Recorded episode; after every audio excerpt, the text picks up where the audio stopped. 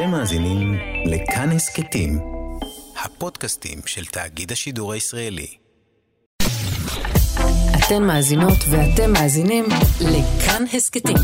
כאן הסכתים, הפודקאסטים של תאגיד השידור הישראלי.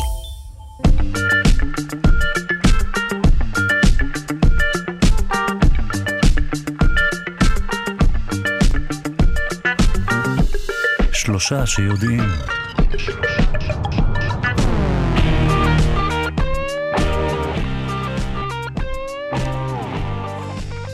שש דקות לאחר השעה ארבע, אנחנו פותחים את שלושה שיודעים בכאן תרבות, תוכנית המדע והידע של ישראל, כמובן בגרסה שמותאמת למצב. אנחנו ננסה לתת זווית אחרת למה שקורה היום, גם עם נושאים שקשורים וגם עם נושאים שקצת יפיגו לנו מעט את המתח. רונה גרשון תלמי, שלום לך. שלום רב אמיתי, טוב להיות כאן. לא הייתי כמה ימים, ואני טוב להיות איתך ועם המאזינים. לגמרי, ברוכה, ברוכה השבה. תודה, ברוכה, ברוך הנמצא. תודה, תודה רונה. נגיד גם uh, שלום לאלכס לויקר שעורכת את התוכנית ונמצאת כאן מאחורי הזגוגית, גם תמר בנימין שהפיקה, ועל הביצוע הטכני שיהיה לנו היום, חן עוז.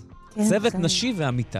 נכון, נכון. ונגיד שעכשיו יש צבע אדום בעוטף עזה, אה, ואנחנו מקווים לטוב.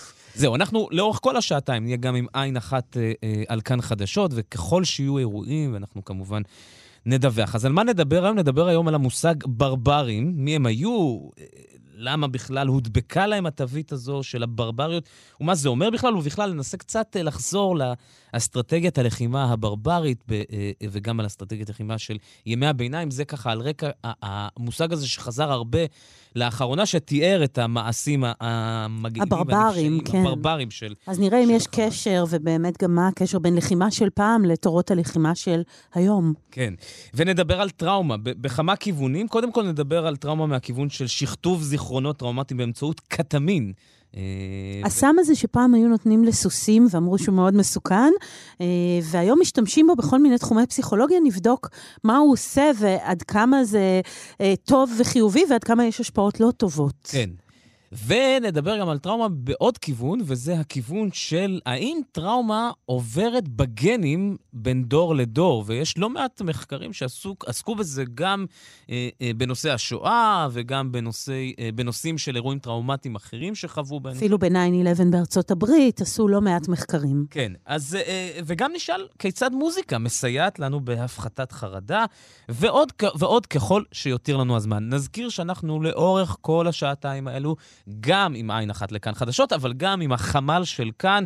זה אה, קבוצת החמ"ל של כאן, קבוצה שפתח תאגיד השידור הישראלי, במיוחד לזמנים האלו, כדי לרכז את כל היוזמות האזרחיות, כדי לסייע גם בחזית וגם בעורף. אנחנו עם עין אחת גם לקבוצה, ואנחנו נביא אה, כמה יוזמות בהמשך. נראה לי שנצא לדרך. נצא עם לדרך. עם קצת מוזיקה כדי להפיג את המתח.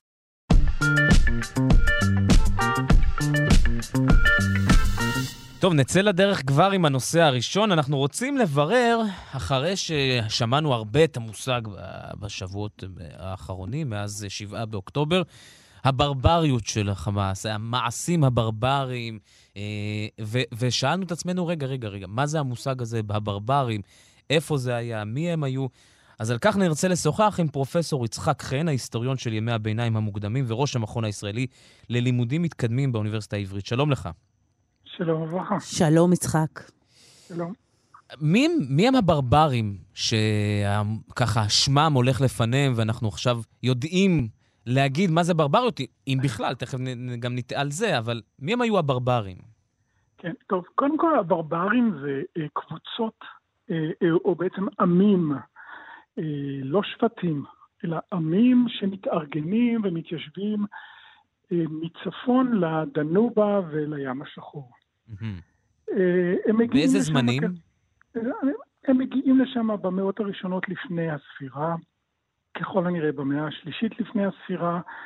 אה, הם נודדים לשם ככל הנראה מהאזורים הצפוניים של גרמניה ואזורי סקנדינביה, יש איזושהי נדידה ומעבר של אה, קבוצות נודדות אל צפון, מצפון לדנובה והים השחור, ושם מתיישבים, מתערבבים אחד עם השני, והופכים להיות מעין קבוצות שהן פסאודו-אתניות, כי הם לא ממש שבטים, אלא קבוצות ערב רב של כל מיני עמים שמתארגנים בצורה נדמה כאילו שהיא שבטית, יש להם מנהיגים, יש להם צבא, והכל טוב ויפה איתם שם, עד שמגיע לחץ מהמזרח, ככל הנראה מהאזורים של מונגוליה, ודוחף אותם מערבה אל גבול האימפריה הרומית. והם מתייצבים על גבולה של האימפריה הרומית מהמאה הראשונה לספירה ואילך, והם נמצאים בקשר הדוק עם האימפריה הרומית מאותה עת ולאורך בעצם כל שלהי העת העתיקה. זאת אומרת ששבטים נודד, שבטים שהיו נודדים בעיקרם, הם התחילו כשבטים נודדים שזזו מזרחה, ואז הלחץ המונגולי הכריח אותם להתמקם ממש על סיפה של האימפריה הרומית? לא. והם, אנחנו לא יודעים, האמת היא שאנחנו לא יודעים הרבה עליהם, כן? כי אין לנו מידע כתוב. אנחנו יכולים לשער כל מיני השערות מממצאים ארכיאולוגיים, מכל מיני תיאוריות שיש לנו. אנחנו רואים שהם נודדים מזרחה. אם הם היו שבטים נודדים או שהם נאלצו, הם היו, הם היו יושבים, ב, ב, הם ישבו בגרמניה ונאלצו לעזוב את גרמניה כי משהו אחר קרה ואילץ אותם לנדוד, אנחנו לא ממש יודעים. הם מגיעים לאזורים של צפון הדנובה ו... מצפון לדנובה והים השחור, ושם הם כבר מתיישבים. וברגע שמגיעים המונגולים, ההונים בעצם, mm-hmm. הם דוחפים אותם מערבה, ואז הם שוב נאלצים לנדוד, ואז הם נודדים ומתמקמים מחדש על גבולות האימפריה הרומית, ומתחילים להציג לאימפריה הרומית. מה זה אומר להציג?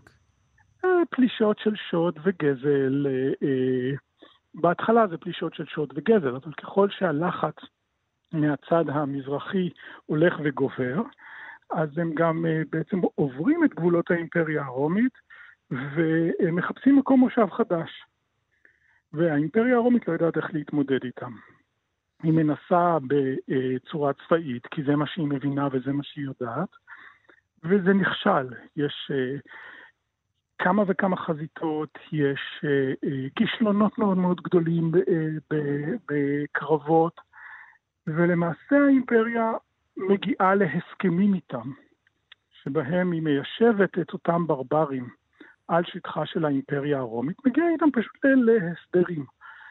הסדרה, הסדרה, זה כן, במושגים שלנו היום. הסדרה, זה מאוד טוב, כן. כן. הם מתיישבים על שטחה של האימפריה הרומית, הם אה, מקבלים אדמה, זאת אומרת, הם יכולים לדאוג לפרנסתם, ובתמורה הם משלמים מיסים לאימפריה הרומית ומשרתים בצבא הרומי. Mm. כלומר, האימפריה הרומית לוקחת את אותם ברברים, מגייסת אותם לשירותה, ובעצם הם עכשיו הופכים להיות חלק אינטגרלי מהצבא הרומי ולהילת המלחמות של הצבא הרומי. כך שבסופו של דבר מה שיוצא זה שיש לנו צבא רומי שנלחם בברברים בעזרת ברברים. זאת אומרת, הם נטמעים בתוך הצבא הרומי. עכשיו, מה שמעניין, אה, נתת לנו כאן, אה, פרופסור יצחק חן, את ההתחלה של השבטים הללו, של המושג הזה, אבל המושג הזה הופך להיות אה, מעין שם דבר. זאת אומרת, הוא מבטא אה, ברבות הימים יחס מזלזל כלפי קבוצה אתנית מסוימת, כלפי עם שאתה לא יודע בדיוק לה, להגיד מי זאת התרבות הזאת, היא זרה לתרבות המרכזית, ואז אתה קורא ברברית. זאת אומרת, נכון. איך קרה, קרתה הקפיצה הזאת מאותם שבטים שתיארנו עכשיו, שמתיישבים אה, בסוף שם ליד רומא והופכים לחלק מהצבא, לבין המושג הזה, איך זה קרה? אז קודם כל המונח הוא מונח יווני. אה, והברברים בלשון היוונים היו אלה שאינם שייכים לעולם המיושב, לעולם המתורבת. זאת אומרת שהם לא המיוש... הגיעו למקום הזה עם השם הזה, נכון? היוונים. לא, לא, לא, לא, לא, זה שם שניתן להם, תכף... כשם גנאי?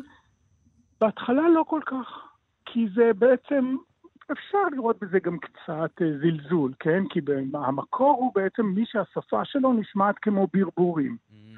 כלומר, היא איננה יוונית, הוא איננו חלק מהתרבות היוונית. כך שהיוונים הם בני התרבות, אזרחי העולם המיושב בבני תרבות, וכל שאר העולם הם ברברים. עכשיו, כשאנחנו עוברים אל האימפריה הרומית, אז כמובן שהאימפריה הרומית הרומאים לא רואים את עצמם כברברים, אז עבור הרומאים ההגדרה משתנה. הברברים הם בעצם מי שיושב בעולם שהתרבות בו היא יוונית ורומית, וכל האחרים הם ברברים. כלומר, עבור היווני הרומי הוא ברברי. עבור הרומאי, הרומאים והיוונים אינם ברברים. זאת אומרת, מי שלא אני... נמצא בתוך הגדרת התרבות שלך ובתוך השפה בדיוק. שלך, הופך להיות ברברי. אבל אנחנו, אה, סיפר כאן אמיתי, אה, שבימים האחרונים אנחנו שומעים שוב ושוב על המעשים של חמאס כמעשים של ברברים. אז זה לא רק מי שלא נמצא בתרבות שלך, זה גם מי שיש לו אלמנטים אלימים מאוד. נכון, נכון. עכשיו, הברברים עצמם, אנחנו, זאת, זאת תרבות שהיא תרבות של לוחמים. כן, הקבוצה הלוחמת, כן, המנהיג ובני הלוויה שלו, הם המרכז בעצם של ההתאגדות, ה... אני לא רוצה להגיד שבטית, אבל ההתאגדות של הקבוצה שאנחנו מכנים אותה ברברים, שאחר כך צומחים מהם עמים מאוד מאוד גדולים, כמו הגותים והפרנקים והלומברדים. ההתאגדות הזאת היא התאגדות של לוחמים, והם לוחמים ללא חת. והם לוחמים באימפריה הרומית. והם כובשים בסופו של דבר את האימפריה הרומית, כי אחר כך כשההונים דוחפים אותם ממש אל תוך שטחה של האימפריה הרומית, הם בעצם שוטפים את האימפריה הרומית המערבית ומקימים על חורבותיה ממלכות שהן ממלכות חדשות. בעצם כל הגיאופוליטיקה של המערב משתנה מאימפריה רומית אחת גדולה וחזקה לממלכות ברבריות שבעצם קובעות את החלוקה הגיאופוליטית עד היום של אירופה, כן? זה מעניין, כי בעצם אולי, אז, אז לפי מה שאני מבין, ממה שאתה מספר, סופה של האימפריה הרומי אולי ב, אה, בחטא הזה שבו הם החלו בשילוב אותם שבטים ברברים בתוך הממלכה. הם הכניסו, את ה... הכניסו אותם לפתחם. כן, זה חלק מהתהליך. אני לא רוצה mm. לומר שרק הברברים הם אלה שהפילו את האימפריה הרומית, יש פה תהליך ארוך של... אה, לא, אנחנו רצינו להוציא כותרת, להוציא את הכותרת. הברברים הפילו את הרומים. אבל מה שאני רוצה להוסיף פה, איך אנחנו מקשרים אותם אה, למעשי זוועות וזה. הם הרי הכובשים. הם כובשים והם נכנסים והם אלימים. ו, והם כובשים את, את, את האימפריה הרומית, והצבא הרומי לא יכול להם. עכשיו, התיעוד של כל המעשים האלה הוא מהצד הרומי. Mm. ולכן המעשים האלה מתוארים כמעשי זוועות. אבל אנחנו לא מקבלים פה... את הגרסה השנייה, אין לנו תיעוד אין לנו. של אותם עמים, כמו שאמרת, אין לנו שום דבר כתוב. התיעוד הרומי תפס בכל העולם, זאת אומרת, המושג ברבריה על הטיותיו נכון. ותרגומיו לשפות השונות, הוא יהיה ברור גם לברזילאי, גם לאנגלי, גם לרוסי וגם... לגמרי, אבל צריך להבין שהוא חד צדדי, זאת אומרת, לא בהכרח הם היו בדיוק רק הדבר הזה. עד כמה אבל נכון. השיטות שלהם, אתה אומר, אחר כך הם ממשיכים, כובשים כל אותם אה, אה, אה, רצף של שבטים ורצף של עמים, עד כמה ה... בהמשך זה גם מוביל לטקטיקה שתהיה נהוגה באירופה בימי הביניים? תשמע, זה, זה הבסיס, זה ערש ימי הביניים, כן? פה, פה מתחילים בעצם ימי הביניים עם הממלכות החדשות שהן ממלכות ברבריות. עכשיו בואו בוא נאמר, צריך, צריך לשים את הדברים בפרופורציות, כי אנחנו מתעסקים פה בהרבה מאוד פרופגנדה, פרופגנדה רומית. אמ, אין לנו את הצד של הברברים שמספר לנו על, למה, על אגב, הפלישות שלהם. למה, למה הם, הם לא כתבו? הם לא היו לא... תרבויות שכותבות, הם מתחילים לכתוב רק אחרי המפגש עם הרומאים, רק אחרי שמתיישבים על האדמה הרומית. אז מתחילה לצמוח היסטוריוגרפיה ברברית. אז אין לנו את התיעוד מהצד שלהם, כל מה שיש לנו זה הרומאים. לכן התמונה נצבעת בצבעים מאוד מאוד עזים. עכשיו, גם מתוך התיאור של הרומאים אנחנו יכולים לומר באופן די ודאי הברברים לא היו יותר אלימים מהרומאים עצמם. והצבא הרומי היה גם צבא מאוד מאוד אלים. והברברים ששירתו בצבא הרומי בעצם הפכו להיות, הם עוברים תהליך של רומניזציה, וכשהם פונים נגד הצבא הרומי ונגד האימפריה הרומית, הם עושים את זה באותה שפה. הנה הכותרת שלך, הסקופ שלך לרעיון, אמיתי. כן. הרומאים לא היו פחות ברברים מהברברים. הנה, קיבלת את זה. זה ממש ככה, זה ממש ככה. עכשיו, זה אותו דבר, אנחנו רואים את התופעות האלה חוזרות על עצמן שוב ושוב.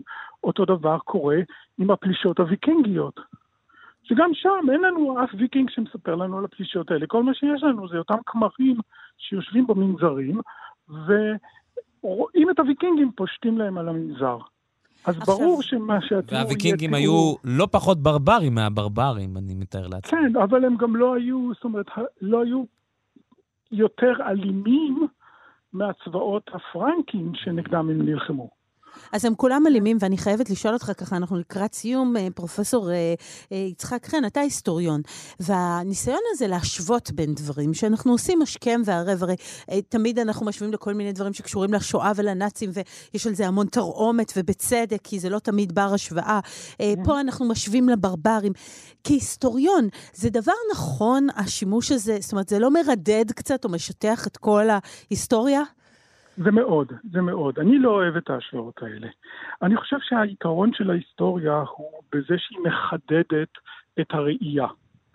אבל ההיסטוריה לא חוזרת על עצמה.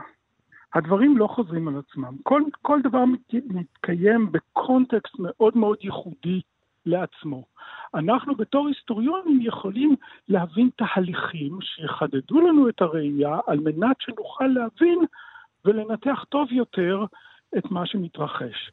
אבל כך זה, זה נראה ש, שבעצם פה יש מאבק בין ההיסטוריה לבין השפה. השפה היא מוגבלת יותר מההיסטוריה, ולכן כשאנחנו חוזים במשהו שאנחנו לא מצליחים לתאר, אנחנו הולכים לשפה, ומה שנגיש לנו היום, לדוגמה, זה נאצים, ברברים. נכון. אני מניח שעוד 50 שנה גם המילה חמאסניקים, היא תהיה בתוך הז'רגון הזה כדי לתאר מעשה או זוועה. דאעש, שכבר נכנס, אה, חמאס שווה ד- דאעש. אה, כן. זה, זה בדיוק אותו דבר, אבל אנחנו צריכים מאוד מאוד להיזהר מהמגבלות של השפה, כי לא צריך שהשפה היא זו שתכתיב את התודעה או את האנליזה ההיסטוריוגרפית. אבל, אבל אם אנחנו מסתכלים אה, אה, היסטורית, כדי לנסות להבין את מה שקורה פה במזרח התיכון עכשיו, יש מה ללמוד מהמאבק של הרומאים בברברים, או הפוך? ועוד איך, ועוד איך, יש הרבה מאוד קווים שהם קווים מקבילים, יש הרבה מאוד תהליכים שהם תהליכים שאפשר לומר, אפילו תהליכים מנבאים. אה, אה, בוודאי שאפשר, בניתוח מאוד מאוד זהיר, אפשר לראות מה קורה, מה קורה עם עמים כבושים, איך מתנהלים עמים כבושים, מה הדינמיקה של אה, אה, אה, כובש ונכבש, מה קורה כשיש התפרצויות אלימות. כל התהליכים האלה, אם לומדים אותם בצורה מאוד מאוד זהירה, בוודאי שהם יכולים לעזור לנו. הצרה היא שאף אחד לא פונה אל ההיסטוריה כדי ללמוד ממנה, אלא פונים אל ההיסטוריה כדי לעצב תודעה חדשה. וזאת בעיה. זאת אומרת, משתמשים בשימוש פוליטי, לעיתים ציני, אבל לא באמת שימוש מושכל. ההיסטוריה לא בשירות ההסברה, זה ה... בדיוק, כן, בדיוק. כן. טוב, למדנו המון, אנחנו רוצים uh, להודות לך על השיחה המעניינת הזאת, uh, ובאמת צריך לשים לב לעיתים למונחים שאנחנו משתמשים בהם. פרופסור יצחק חן, היסטוריון של ימי הביניים המוקדמים וראש המכון הישראלי ללימודים מתקדמים באוניברסיטה העברית, תודה שהיית איתנו. בשמחה. תודה רבה.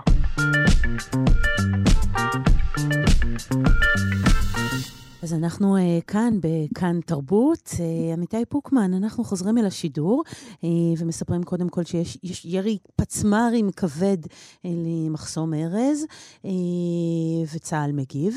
Uh, ואנחנו כאן, בתוכנית שלנו. חייבת להגיד לך שהשיר הזה של הביטלס הזכיר לי את ימי מלחמת המפרץ. הייתי אז בת 16 או 17, uh, ולקחו את הכיתה שלנו לבית החולים מאיכילוב להיות כיתת כוננות, ילדים בכיתה י' או י"א, ואז שמעתי ביטלס כל הזמן, והייתי עם ווקמן, וכל הלילה. שמעתי שירים בווקמן וואו. של הביטלס, ופתאום עכשיו זה התחבר לי למלחמה ההיא. אה, אז אם אנחנו מדברים על זיכרונות ועל פוסט-טראומה, יש לנו שני אייטמים בתוכנית שעוסקים בזה. אנחנו נדבר עכשיו על איך משכתבים זיכרונות טראומטיים בעזרת טיפול בקטמין, קטמין, אה, והסם הזה שתכף... אמרו אנשים שמבינים, קטמין. קטמין. כן. אנחנו ננסה להגיד את זה נכון. אז אנחנו נבדוק מה, מה, במה משתמשים בסם הזה. הזה, עד כמה זה עובד ומה ההשפעות השליליות. ובשעה הבאה נדבר על עוד משהו מאוד מעניין, האם יכול, יכולה טראומה לעבור לדור הבא, זאת אומרת, לא לשנות את ה-DNA, אבל כן לבטא אותו אחרת. נדבר על זה בשעה הבאה. אז המומחית שלנו היא דוקטור נועה אלבלדה, אה, ממרכז סגול למוח ותודעה באוניברסיטת רייכמן. שלום, נועה. שלום, אחר צהריים טובים. תודה רבה. אז אומרים קטמין קודם כל, כדי שנסגר? קטמין. קטמין. אין לזה מילה בעברית? לא תרגמו? זה פשוט שם, זה כמו יוסי. יוסי. כן, כן, אז זה בוא קטמין. נקרא לזה יוסי. זה יישמע פחות טוב להגיד אם, אם כדאי להשתמש ביוסי או לא, אני מציעה שלא. אה, ש- זאת אומרת, שלא נשת... לא נשאל את זה. אה, אז בעצם אנחנו מתעסקים עם הסם הזה, עם קטמין, שיש לו רפיוטיישן, יש לו ככה, מדברים עליו בצורה מאוד רעה, כי פעם היו משתמשים בו אה, לסוסים, נכון? זאת האגדה האורבנית כשמדברים על הסם הזה. לא, זה לא אגדה אורבנית, אני אגיד, אה, קטמין זה בעצם חומר שבמקור שימש כחומר הרדמה, אה, והפסיקו להשתמש בו בבני אדם, כי גילו שהוא אה, עשוי לעורר הזיות. אה, הוא עדיין משמש כחומר הרדמה וטרינרי. מדובר בחומר כימי או טבעי? לא, לא, זה חומר כימי, חומר. אה, סינתטי, כאמור, משמש כחומר הרדמה. הוא גם משמש, דרך אגב, כסם שנמכר ברחוב, והשם רחוב שלו זה ספיישל קיי. אבל בשנים האחרונות אה, הוא דווקא התחיל לשנות את התדמית שלו, כי הסתבר שהוא יכול להיות אה, טיפול מאוד יעיל נגד אה, דיכאון, ועכשיו גם באמת בדקו את הקשר שלו לתסמינים של אה, PTSD, של הפרעה פוסט-טראומטית. וקודם כל צריך להגיד שהוא חומר אה, שצריך לקחת אותו בפיקוח, והוא חומר מסוכן מאוד, ובטח לא עם אלכוהול ועם כל מיני דברים אחרים. זאת אומרת, צריך קודם כל לשים את הכוכבית הזאת שיהיה ברור. אבל כשמשתמשים בו בצורה מושכלת ומבוקרת, אז באמת חקרו את העניין הזה של הפוסט-טראומה. אה, ועשו את זה, נדמה לי, כבר בכמה, אה, יש, יש מספיק טראומות שאפשר לחקור, נכון?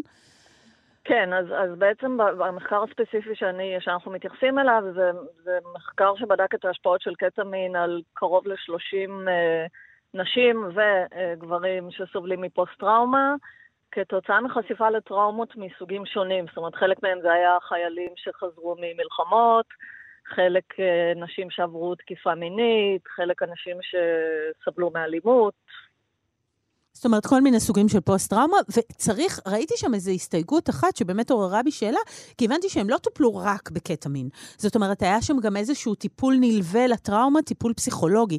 ואז איך אתם יכולים לעשות את ההפרדה בין מה, מה באמת מסייע ומה לא? אז, אז אני אגיד שבעצם ה- המחקר הזה באמת היה שילוב של שני טיפולים, אבל הייתה קבוצת ביקורת. קבוצת הניסוי, בעצם קיבלו טיפול ב- בקטמין, ואחרי זה עשו פסיכותרפיה.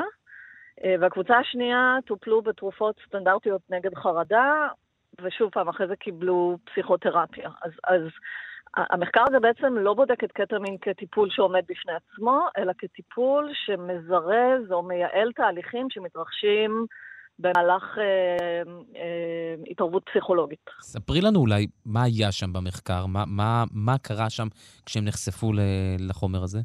אז, אז אני אגיד שבעצם מה שעשו זה באמת לקחו אנשים, טיפלו בהם או בקטמין או בתרופות נגד חרדה, ואחר כך עשו להם אה, מה שנקרא טיפול בחשיפה. מה זה אומר טיפול בחשיפה? זה אומר שבסביבה מבוקרת ובטוחה, שזה הקליניקה של המטפל או המטפלת, אה, באופן מכוון מבקשים אה, מהאנשים להעלות את החוויה הטראומטית, שזה משהו שאנשים עם פוסט-טראומה בדרך כלל מאוד נמנעים ממנו, כי, כי זה גורם להם מצוקה. ברגע שעולים הזיכרונות לטראומה, עולים כל הרגשות, הם מרגישים שהם בסכנת חיים, הם מקבלים התקפי חרדה, הם מרגישים כאילו הם הולכים למות וכולי. אז חלק מהמורכבות בטיפול בטראומה זה שמאוד קשה לאנשים להיפגש עם הטראומה, ובלי להיפגש עם הטראומה אי אפשר להתגבר עליה. אז הם טופלו, כאמור, בקטמין או בתרופה נגד חרדה, עשו את הטיפול בחשיפה, שבו הם בעצם מעלים באופן מכוון את הזיכרון הטראומטי. ואנחנו יודעים שברמה המוחית, ברגע שאתה חושב על זיכרון מסוים, הזיכרון הזה הופך להיות רגיש לשינויים. זאת אומרת, אתה יכול, מעצם זה שאתה מעלה את הזיכרון למודעות, מתרחשים כל מיני תהליכים במוח, שאחרי זה כשהזיכרון חוזר חזרה, נקרא לזה, לספרייה של הזיכרונות, הוא יכול להיות uh, טיפה שונה. ומה שבעצם עושים זה שלוקחים את הזיכרון הטראומטי שיש לו מטען רגשי שלילי מאוד חזק, ועושים לו את התהליך הזה של כאילו לזכור אותו מחדש, וקצת מנטרלים את הרגשות הקשים. ואז לאט לאט הזיכרונות האלה הופכים להיות פשוט זיכרונות רגילים במקום זיכרונות... אה, זה, זה בעצם תהליך השכתוב, נכון? זה ה... אבל, בדיוק. אבל את זה, את זה עושים נקרא... גם... כן, באנגלית קוראים לזה רק, אני אגיד, רקונסולידציה. אבל, אבל את זה, את התהליך הזה עשו, את אומרת, המטפלים עושים גם בלי קטמין. מה נכון. קורה, מה קורה ש, כשמוסיפים את הסם? מה, מה אז, הוא נותן? הוא מאפשר? אז מה שהם בעצם הראו, אני לא אמרתי, אבל המחקר הזה עשו בו אחרי זה גם הדמיה מוחית ב-MRI, והסתכלו על מבנה המוח ותפקוד המוח, והם הראו שאנשים שנחשפו לקטמין, בעצם היו להם אה, שינויים ברשתות במוח, שאנחנו יודעים שפועלות בצורה מאוד חזקה אצל אנשים עם פוסט-טראומה. למשל אזור כמו האמיגדלה, שהוא אזור שמאותת על סכנה, אזור ההיפוקמפוס, שהוא אזור שקשור לעיבוד של זיכרונות, ואחרי המחקר ואחרי הטיפול, חשפו אותם בעצם בכוונה לגירויים שמקושרים לטראומה, וראו שהמוח שלהם מגיב פחות. זאת אומרת, זה אומר שלפחות ברמה הביולוגית, החשיפה לקטמין דרך תהליכים של פלסטיות מוחית, השפעה על סינפסות, הטיפול הפך את המוח לפחות רגיש לדברים שמזכירים את, ה, את הטראומה. זה נבדק לאורך זמן? זאת אומרת, אנחנו בטוחים שהשינוי הזה נשאר? זה לא זמני? אז הם בדקו, הם בדקו הכי רחוק אה, חודש אחרי, ה, חודש אחרי הטיפול, זה לא מספיק, צריך כמובן לעשות מחקרים יותר ארוכי טווח. אבל אני יכולה להגיד שלפחות בהקשר של דיכאון, אז יש הרבה מחקרים שמראים שטיפול כזה בקטמין הוא טיפול שמחזיק מעמד הרבה זמן. כל הסיפור הזה באמת של, של PTSD וזיכרונות, זה, זה עוד בחיתוליו, זאת אומרת, זה דורש... כן, יש עוד עבודה. אה, השפעות שליליות, כי אנחנו הרי מדברים על סם חזק. אה, יש תופעות לוואי שליליות? אז תראי, כמו כל אה, סם ממכר, קטמין יש לו פוטנציאל התמכרות, בגלל זה זה משהו שבאמת... גם בטיפולים בדיכאון וגם פה במחקר הזה, אני אגיד, קודם כל, משתמשים במה שנקרא micro-dosing, זאת אומרת, נותנים מינונים מאוד מאוד מאוד אה, נמוכים, ושוב פעם, זה נעשה כמובן בהשגחה, אה, וכאילו, אתה יודע, צריך, צריך להיות בהשגחה מקצועית ולראות שאין כן. פה איזשהו סיפור של התמכרות. אה, מעבר לזה, כמו שאמרתי, הסם הזה הוא לא נחשב לסם פסיכדלי, אבל יכולים להיות לו טיפה... אפקטים אה, משני תודעה, אה, אבל שוב כן. פעם, זה, זה מינונים נורא קטנים, אז ההשפעה היא לא, היא לא מאוד אה, דומיננטית, כן, זה לא כמו לקחת אה, LSD או אקסטוזי או משהו כזה. כן, אני זוכרת למשל שיש את ה... אני מקווה שאני אומרת נכון, איווסקה, נכון? יש את הסם הזה שנוסעים לדרום אמריקה, אנשים עם פוסט... לא רק לדרום אמריקה, לא רק גם יש... איווסקה. כן. ש... יש איזה קשר בין הדברים האלה? זאת אומרת, אנחנו מדברים על אותה סביבה? תראי, זה לא אותו חומר מבחינה כימית, אבל יש היום הרבה עבודה עם אה, סמים פסיכדליים או סמים אה, משני תודעה, באמת בהקשר הפסיכיאטרי. אז אני חושבת שפחות, היואסקה לדעתי פחות נחקר, אבל למשל חומר שנקרא פסילוסיבין, שגם חוקרים אותו בהקשר של טיפול נגד דיכאון, LSD ו-MDMA שנחקרים בהקשר של אה, טיפול בטראומות. אז, אז כל העולם הזה של חומרים משני תודעה כחומרים פוטנציאליים לטיפול הוא עולם... שהרבה שנים אף אחד לא נגע בו, כי סמים זה היה מין uh, טאבו כזה, ובשנים האחרונות התפיסה משתנה. אבל uh, אני רוצה רגע לחזור לצד האופטימי, כן. ברשותך, ו... שוב, הכל בצורה מפוקחת, וכמובן גם שזה מלווה אה, עם אה, פסיכותרפיה, זה לא רק אה, אה, חשיפה לקטמין או, או דברים כאלה, אבל יש ממש עדויות שעלו במחקר של הפסקת צריכת אלכוהול, לדוגמה.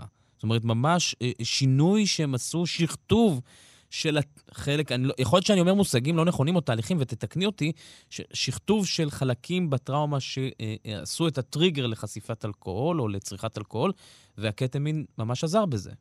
כן, אז מטבע הדברים, ברגע שהזיכרונות הטראומטיים הופכים להיות פחות טעונים רגשית ופחות מעוררים חרדה, אז ההתנהלות היומיומית שלך משתנה, ואלכוהול הרבה פעמים זה בעצם סוג של uh, בריחה מחוויות רגשיות מאוד מאוד אה, קשות. אני כן חשוב לי להגיד, כי יש סביב זה הרבה בלבול, אנחנו לא מדברים פה על מחיקה של זיכרונות, בסדר? אנחנו לא יודעים למחוק זיכרונות, ואני גם לא חושבת שאנחנו רוצים להיות במקום הזה, אלא מדובר על בעצם לקחת זיכרון וקצת אה, לעמעם אותו מבחינת המטען הרגשי. כן, זאת אומרת, אחרת יהיה לנו כאן עניין אתי מאוד מורכב, וגם על איזה זיכרונות אנחנו רוצים להשפיע, ועל איזה זה לא. ואת אומרת, זה לא התחום הזה, זה ממש אבל גם, עמעום. אני אגיד, גם, גם ברמה הטכנית, אנחנו לא יודעים למחוק זיכרונות. כל מי שאומר לכם אחרת, הוא לא יודע על מה הוא מדבר.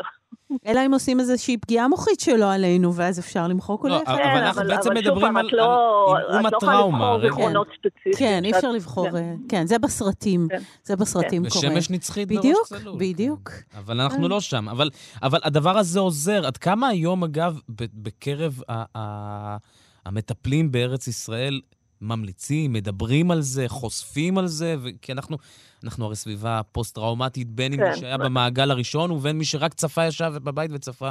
אה, מדברים על. זה, ויש עכשיו, פה, אנחנו משתתפים במחקרים בינלאומיים, ויש פה, אה, דרך אגב, שיתוף פעולה הדוק עם משרד הבריאות, שמאוד אה, מקדם את הדבר הזה. בהחלט, כי אנחנו, מה לעשות שאנחנו מדינה שמייצרת אה, חולי אה, טראומה בקצב אה, מרשים ביותר. אז, אז, אז זה הופך להיות, אה, זאת כן. אומרת, אה, רווח ומשתמשים בזה.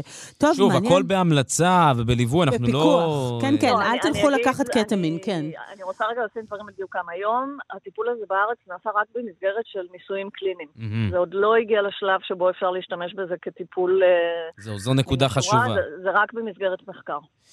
דוקטור נועה בלדה, ממרכז סגול למוח ותודעה באוניברסיטת רייכמן, תודה רבה לך. בבקשה.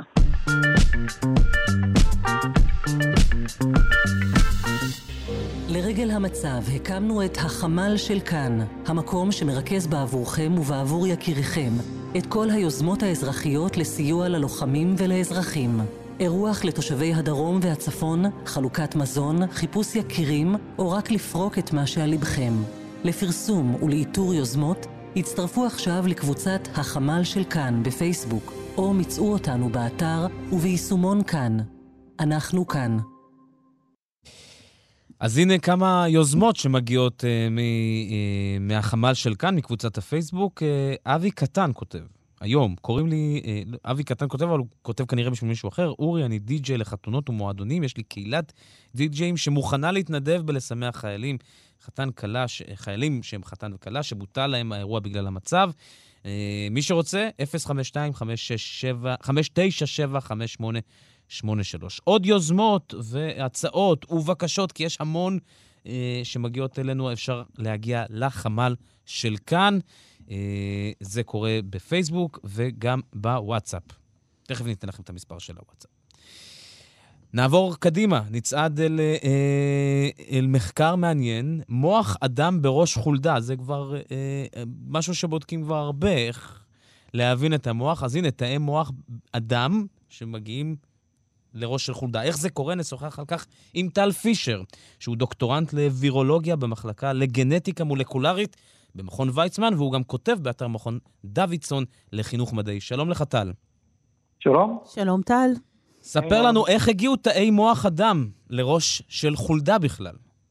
כן, זה מסע סבוך. אז אה, זה מחקר ממש מגניב. אה, הוא פורסם באוניברסיטת אה, סטנפורד, ועוד משהו נחמד זה שמהמובילים שלו מדען ישראלי, בשם עומר רווח. וכמו שאמרת, זה באמת בא להתמודד עם איזושהי בעיה שיש במדעי המוח, והיא שהמוח הוא פשוט איבר מאוד מסובך. יש המון תאים שונים, והם צריכים אה, לעבוד אחד עם השני בצורה מאוד מורכבת, ולכן כשאנחנו רוצים לבדוק דברים אנושיים, כמו אה, כל מיני הפרעות נוירולוגיות ותסמונות, אז אנחנו קצת מוגבלים במדידה שלנו. אפשר למדוד למשל ב-MRI או ב-EEG, אבל אה, זה לא פולשני, אבל זה גם קצת מוגבל ב- בכמה שזה יכול להיות אינפורמטיבי. אנחנו יכולים ללמוד על הצורה של המוח למשל, או על הפעילות שלו, אבל פחות על ה... בוא נאמר, האמת המולקולרית הבסיסית, שאפשר בכלים יותר, אה, יותר מתוחכמים, אה, כשחוקרים אה, עכברים למשל, לעשות כל מיני בדיקות הנדסה גנטית וכדומה. אז מה בעצם מנסים, אז, אז אתה אומר, המוח שלנו מוגבל מהצפייה בו, או מכל מיני אה, אה, בדיקות סמי-פולשניות, פולשניות, אבל אתה אומר, הנה, עכשיו לוקחים חלקים ומלבישים את זה בתוך המוח של, של, אה, של חולדות. מה מנסים לעשות שם? רגע, בעצם אני יכולה לשאול, מה שאני מבינה, ו- ואולי אני טועה, זה שהמוח, כשחוקרים אותו כשלעצמו, לא מחובר לגוף. ואז כל ההקשרים שיש לך לגוף לא קורים. ופה יש לך את הגוף של החולדה, אז אתה יכול לראות את כל המהלך של המערכת. זה נכון? אה, זה פחות או יותר מה שהתכוונתי אה, לגמרי, כי אנחנו יכולים במעבדה למשל לקחת את התאים מחוץ לקונטקסט של המוח, פשוט להסתכל עליהם בצלחת, אבל זה לא באמת מדמה מוח מתנהג. כן, כי אין לך גוף מחובר, המוח כאילו מופרד, מנותק, וזה לא אחד לאחד. אה, אפילו מעבר לזה, לא רק שאין גוף, אין מוח ממשי. כי המוח הוא מורכב מ... זה למעשה איבר ממש ממש מורכב, עם המון המון סוגים של תאים. ולכן אם אני במעבדה לוקח צלחת ושם עליה תאים מסוג אחד, זה לא באמת מדמה את המוח. זה משהו כן. שאפשר אולי אה, לנסות להסיק ממנו הלאה. זה מוח בצלחת, זה לא מוח בגוף, בוא נגיד את זה. אז uh, בעצם מה שאתם עושים זה שמים את זה uh, במוח של חולדה. עכשיו, עד כמה באמת יש קורלציה, הרי עושים המון ניסויים על חולדות, זו uh, uh, חיה שמשתמשים בה הרבה.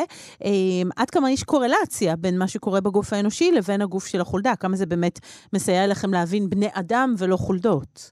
כן, אז uh, מה שמגניב פה זה שקודם כל החוקרים הראו שבאמת התאים האלה מצליחים לעשות אינטגרציה מאוד מרשימה. Uh, הם נראים טוב, הם uh, מבטאים גנים בצורה טובה. מה זה אומר אינטגרציה? רגע, שנייה, מה זה אומר אינטגרציה? מה, הם ממש נהיים חלק מהמוח? הם משתלבים? כן, אז כן, אז למעשה לוקחים פה חולדות שהן מאוד צעירות, למעשה ממש כמה ימים אחרי שהן נולדו, ומזריקים להם גושים של תאי מוח אנושיים. ובגלל שהחוליות כל כך צעירות, המוח שלהם עדיין מתפתח והתאים יוצרים קשרים ביניהם, והם מקבלים בזרועות פתוחות את התאים האנושיים, והתאים האלה ממש הופכים לחלק מהמארג של החולדה. הם ממש הופכים לתאים שמדברים עם התאים האחרים, קשורים גם לאיך שהחולדה מתנהגת, וזה מאוד יפה לראות איך שהם אה, נהיים חלק מהחולדה למעשה. זה מיד מייצר לנו איזה עניין אתי פה, כי אנחנו בעצם מייצרים רגע, כבר הלכת לאתיקה. בוא, אני ישר הולכת לאתיקה, מה, אתה לא מכיר אמיתי, ישר השאלה הראשונה היא אתית. זאת אומרת, אנחנו מייצרים כאן, אנחנו עושים שינוי על הגנום של חולדה. זאת אומרת, התערבנו פה, ויש פה איזה עניין אתי, נכון? אה, כן, זה לגמרי, המחשבה הזאת עולה כשחושבים על המאמר הזה, אבל... קודם כל חשוב לציין שזו כמות מאוד מאוד קטנה של תאים, החלק היחסי של התאים של הבן אדם בתוך המוח של החולדה, אה, וגם מדובר בכל זאת בתאים אה, מסוג שונה, אה, חלק מאוד שונה שעושים אינטגרציה לא בדיוק אה, טבעית, אז אה, לא, בשלב הזה אין איזשהו חשש אה, מוסרי, ובמישור של הכאב בדקו שלחולדות אין איזה אפקט של סטרס או משהו בסגנון. מה אנחנו מנסים? מה אתם, אנחנו, כבר סיפחתי את עצמי לצוות צוות החוקרים. מה אתם מנסים, או, או בכלל, כל מי שבוחן את זה, מה אתם רוצים לגלות? כן, אז באמת, אז יש פה כלי בעצם, איזשהו כלי שהוא מודל שמאפשר לנו להסתכל על תאים של מוח של בן אדם, אבל בסביבה מתפקדת של מוח.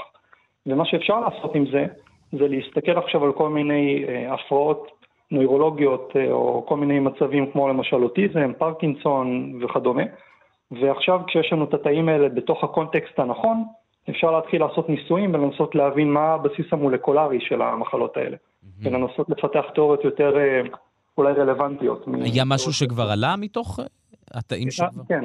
אז זה מאמר די חדש, הוא מלפני אה, שנה בערך, אבל הם עשו במאמר הזה כבר מין בדיקה ראשונית להראות שזה וייבל, mm-hmm. והם לקחו תאים אה, של אנשים שחולים במה שנקרא סינדרום טימותי, וזה סינדרום שיש לו גם אפקטים נוירולוגיים, והם הראו שהתאים שמגיעים מאנשים שיש להם אה, סינדרום טימותי, באמת לא מתפתחים כל כך בצורה תקנית במוח של החולדה, הם נראים שונה, הם קצת מתנהגים שונה מהתאים האחרים, וזה מין כזה proof of concept, שנראה שאולי בעתיד יהיה אפשר uh, להשתמש בזה ככלי מחקרי. ואני רואה אפילו שמדברים כאן אולי על אה, לחקור אלצהיימר, או כל מיני דברים שמטרידים חלקים נרחבים באוכלוסייה. דברים שפשוט קשה לחקור uh, בלי, בלי מודל טוב, כי קשה להתייחס לתאים שמחוץ למוח כאל מודל ממש ממש אחד לאחד למה שקורה באיבר המתנהג, שהוא מאוד מאוד מתוחכם. העובדה שיש לנו היום הדמיות מאוד מדויקות, היום אנחנו יודעים לייצר כבר בתוך המעבדה, אה, באמת אה, לגדל רקמות, אה, לייצר הדמיה של גוף, לא תעזור לנו לעשות את זה אפילו בלי חולדות? כן, אז אני חושב שאת מדברת על מה שנקרא אורגנואידים, שזה באמת, אפשר לומר, שלב אחד קדימה מהתאים בצלחת. וזה באמת מתקשר פה, כי אפשר להגיד שהם משתילים סוג של אורגנואידים, אבל אורגנואידים זה עדיין לא מספיק, זה מין צורה תלת-מימדית של תאים שיש לי בצלחת, ואני יכול גם לערבב אולי כמה סוגים של תאים, אבל זה עדיין לא זה. המוח הוא כל כך מורכב, יש כל כך הרבה תאים שונים שעובדים, וכמו שאמרת, הוא מחובר לגוף בדרך כלל. אז uh, פשוט מאבדים קצת את הקונטקסט, ולכן זה מגניב שיש מודל כזה. כמו שאמרת, באמת אה, זה שלב אחד וזה שלב אחר, אבל כל הדברים האלה יש להם את אותה המטרה בסופו של דבר, uh, באמת להתקרב כמה שיותר למה שקורה במוח, להבין את ההקשרים, ולהתקרב לגילוי של כל מיני מחלות ו- ודברים שקורים בתוך המוח. אז באמת שלב מבורך, אנחנו מקווים שנעלה אותך עוד שנה ועוד שנתיים, ונשמע שזה מתקדם ורץ. טל, תודה רבה ששוחחת איתנו. תודה רבה, היה מאוד נחמד. תודה, תודה.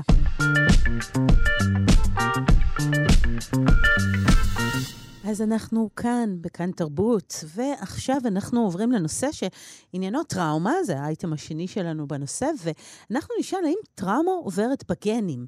ממצאים חדשים מלמדים שבניגוד למה שחשבו, גנים משתנים במהירות. פעם חשבנו שזה לוקח המון המון דורות. דורות, דורות, כן. דורות, דורות, ואז יש שינוי בגנים. אה, ועכשיו רואים שהורים שחוו טראומה לפעמים מעבירים אותה לעוברים שלהם, ואנחנו נבדוק את זה אה, יחדיו ונשאל... שאל את השאלה הזאת את אה, פרופסור עודד רחבי, חוקר במחלקה לנוירוביולוגיה בפקולטה למדעי החיים ובית הספר סגול למדעי המוח באוניברסיטת תל אביב. שלום לך, פרופסור עודד. היי, שלום. שלום, שלום. אז uh, אנחנו רוצים להבין, זאת אומרת, אנחנו מדברים כאן קודם כל על תחום שנקרא אפי-גנטיקה, נכון? נכון. נכון. מה זה התחום הזה? בוא ניכנס רגע כן. בכלל, מה זה התחום הזה? כן, אז זה, רלוונטי למה שאמרתם שהצגתם את הנושא, על כך שגנים משתנים מהר יותר אה, ממה שחשבו, אז כשאנחנו מדברים על, על אפי גנטיקה, ההגדרה אולי הטובה ביותר זה הורשה, אה, אבל שלא מתרחשת דרך שינויים ב-DNA. זאת אומרת, היא מתרחשת בדרך אה, מולקולות מורשות אחרות שהן לא DNA, ולכן אני לא חושב שזה מדויק להגיד שהגנים משתנים יותר מהר ממה שחשבנו, אלא שיש אה, דברים נוספים, נוספים שמורשים. אולי, כן, במקביל ל-DNA, ובאמת הקצב של השינויים שלהם, או היכולת שלהם לעבור בין דור לדור, אלה דברים חדשים שאנחנו מגלים היום. זאת אומרת שאנחנו פיתחנו או גילינו איזשהו מסלול נוסף מעבר ל-DNA, שמעביר דברים אה, אה, לעוברים שלנו. איך אבל הטראומה, עד עכשיו אנחנו תפסנו את הטראומה כמשהו פסיכולוגיה, כאיזו חוויה אישית, פרטית. סביבה ולא גנטיקה. כן. כן, אז שוב, אני, אני מצטער שאני כל הזמן חייב לעשות דיסקליימרים ולהוריד קצת, אה, אבל, אה, אבל אני רוצה להיות מדויק. אז קודם כל, כשאנחנו אומרים אנחנו, אז, אז אה, אנשים שמקשיבים יחשבו שאנחנו מדברים על בני אדם וחשוב מאוד להדגיש שאנחנו עוד לא יודעים מה קורה ב- ב- אצל בני אדם, אוקיי? Mm-hmm. וזה דבר אה, אה, שנכון להרבה ממצאים בביולוגיה, קודם כל מגלים אותם ב- ביצורים אחרים, לרוב פשוטים הרבה יותר. אה, אז כשאנחנו מדברים עכשיו על הורשה של זיכרונות או הורשה של השפעות של הסביבה על הדורות הבאים, אה, ככל שזה נוגע למחקר שלי, אנחנו מדברים על מחקר שנעשה ב, ביצורים הרבה הרבה יותר פשוטים. אנחנו חוקרים תולעים. תולעים. מצחיק, אבל אלה תולעים, אבל אלה תולעים אה, שלא אנחנו התחלנו לעבוד עליהם או המצאנו אותם, אלה תולעים שמשתמשים בהם המון המון אה, ביולוגים בעולם, ויש להם המון יתרונות לחקר הורשה. תסביר, את, תסביר את הבחירה, למה? כן.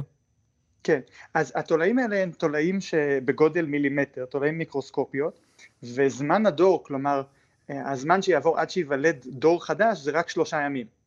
וואו. אז אפשר לבדוק המון, לחקור המון המון דורות במהירות, במהלך דוקטורט אחד אפשר לחקור מאות רבות של דורות. אם אנחנו עושים מחקר כזה בבני אדם או אפילו בעכברים, הזמן שפשוט עובר בין דור לדור הוא נורא ארוך ואי אפשר, וקשה לעשות את זה. דבר שני זה כל תולעת, יש מאות צאצאים שהם זהים אחד לשני מבחינה גנטית, מבחינת ה-DNA לגמרי. ולכן אנחנו יכולים להש... אה, להפריד תורשה מסביבה אה, ולדעת מה באמת עבר בעקבות אה, ההשפעה של איזשהו סטרס, למשל מה שאנחנו היינו אולי קוראים לו טראומה פסיכולוגית או משהו אחר כמו הרעבה פיזיולוגי יותר ומה עבר בתורשה מכיוון שהיה שינוי ברצף ה-DNA. אז מה באמת הטראומה שיכולה לחוות תולעת שחיה בסך הכל שלושה ימים. עד שהיא מתעוררת היא כבר נרדמת. כן, אז, אז, אז התולעים, תכף נעבור ליצורים יותר אה, רלוונטיים אלינו, שיהיה מעניין, אבל התולעים הן, אה, הן יכולות לעבור, לעבור כל מיני טראומות, למשל, אה, גילינו כבר לפני הרבה שנים, כשמרעיבים אותן, אותן, אז זה משפיע, משנה את התכונות של התולעים הצאצאיות כמה דורות קדימה, לא, זאת אומרת לא רק הילדות אלא גם הנכדות והנינות וגם כששמים אותם בעקה של חום ואפילו יותר אה, רלוונטי לטראומה כשמשנים להן את פעילות המוח. זאת אומרת אפשר בכל מיני אמצעים מאוד מתוחכמים להפעיל ולכבות אה, אה, את תאי העצב שלהן, שלהן את הנוירונים או לגרום להם למשל להריח ריחות או להפחיד אותן בכל מיני דרכים אה, פסיכולוגיים אה, יותר ופחות, וזה גם במקרים מסוימים, לא בכל המקרים, יכול אה, לגרום לתורשות, לתגובות לעבור אז, כמה דורות קדימה. אז הרעבתם אותם, עשיתם להם אה, לחץ בכל מיני אה, דרכים כאלה ואחרות. מה, אה, איזה אה, תסמינים טראומטיים הם פיתחו, אותן תולעות, תולעים? זהו, אז כש, במקרה של הרעב, אנחנו הראינו לפני הרבה שנים שכשמרעיבים את התולעים, הדורות הבאים חיים יותר, זאת אומרת זה דווקא mm. משהו אולי טוב אבל לאו דווקא, אנשים. אחרים הראו שהתולעים בדורות הבאים גם מתמודדות יותר טוב עם רעב נוסף, אם מרעיבים אותם בצורה כזאת שממש מסכנת להם, להם את החיים, לפעמים זה שההורים שלהם חוו טראומה של הרעבה עוזר להם להתמודד יותר טוב. זאת אומרת, אתה אומר כאן משהו הרע. מאוד מעניין, סליחה שאני אה, עוצרת אותך, אה, אה, פרופסור עודד רחבי. אה, אתה אומר שלעיתים הטראומה דווקא יכולה לעשות את הדורות הבאים שורדים יותר או חזקים יותר. זאת אומרת, הטראומה היא דבר שלילי אולי לאותו דור, אבל היא יכולה לחזק את המין. זהו, אז באמת, מה ש, ש, שרואים זה שזה לא שאותה תגובה בהכרח חייבת להופיע באותה צורה בדורות הבאים. זה יכול להיות שתגובה אחת תוביל לתופעה אחרת לגמרי, ולפעמים זה גם יכול להיות uh, מועיל uh, ולעזור להישרדות. אז, אבל, אבל זה הכל תלוי בפרספקטיבה ועל מה אנחנו מסתכלים. למשל, בדוגמה של הערבה שמעריכה את, את החיים את, את, תוכל, את uh, משך החיים בדורות הבאים. יכול להיות שהתולעים בדורות החיים הבאים חיות יותר כי הן למשל פחות פוריות. Okay? אוקיי? כשאתה פחות פורה לפעמים אתה חי יותר. אז, אז יש כל מיני פיצויים, trade-offs כאלה שהם לא צפויים, אבל מה שבטוח זה שלא חייב להיות את אותו, זה, זה לא בהכרח מה שקרה לך, זאת אומרת זה לא שאתה חווית איזושהי טראומה וזיכרון הטראומה הזה בדיוק עובר לדורות הבאים, כזה דבר אפילו סביר להניח שלא קורה שלא אפילו בתולעים. זאת אומרת יש כן. השפעה כן. אבל היא לא השפעה ישירה וקורלציה מדויקת לאותה טראומה ש, שחוו התולעים. נכון, עכשיו אם אנחנו מדברים על, על בני אדם, מה יכול להיות בבני אדם, אז, אז אה, זה כמובן אחת מהשאלות הגדולות שפתוחות.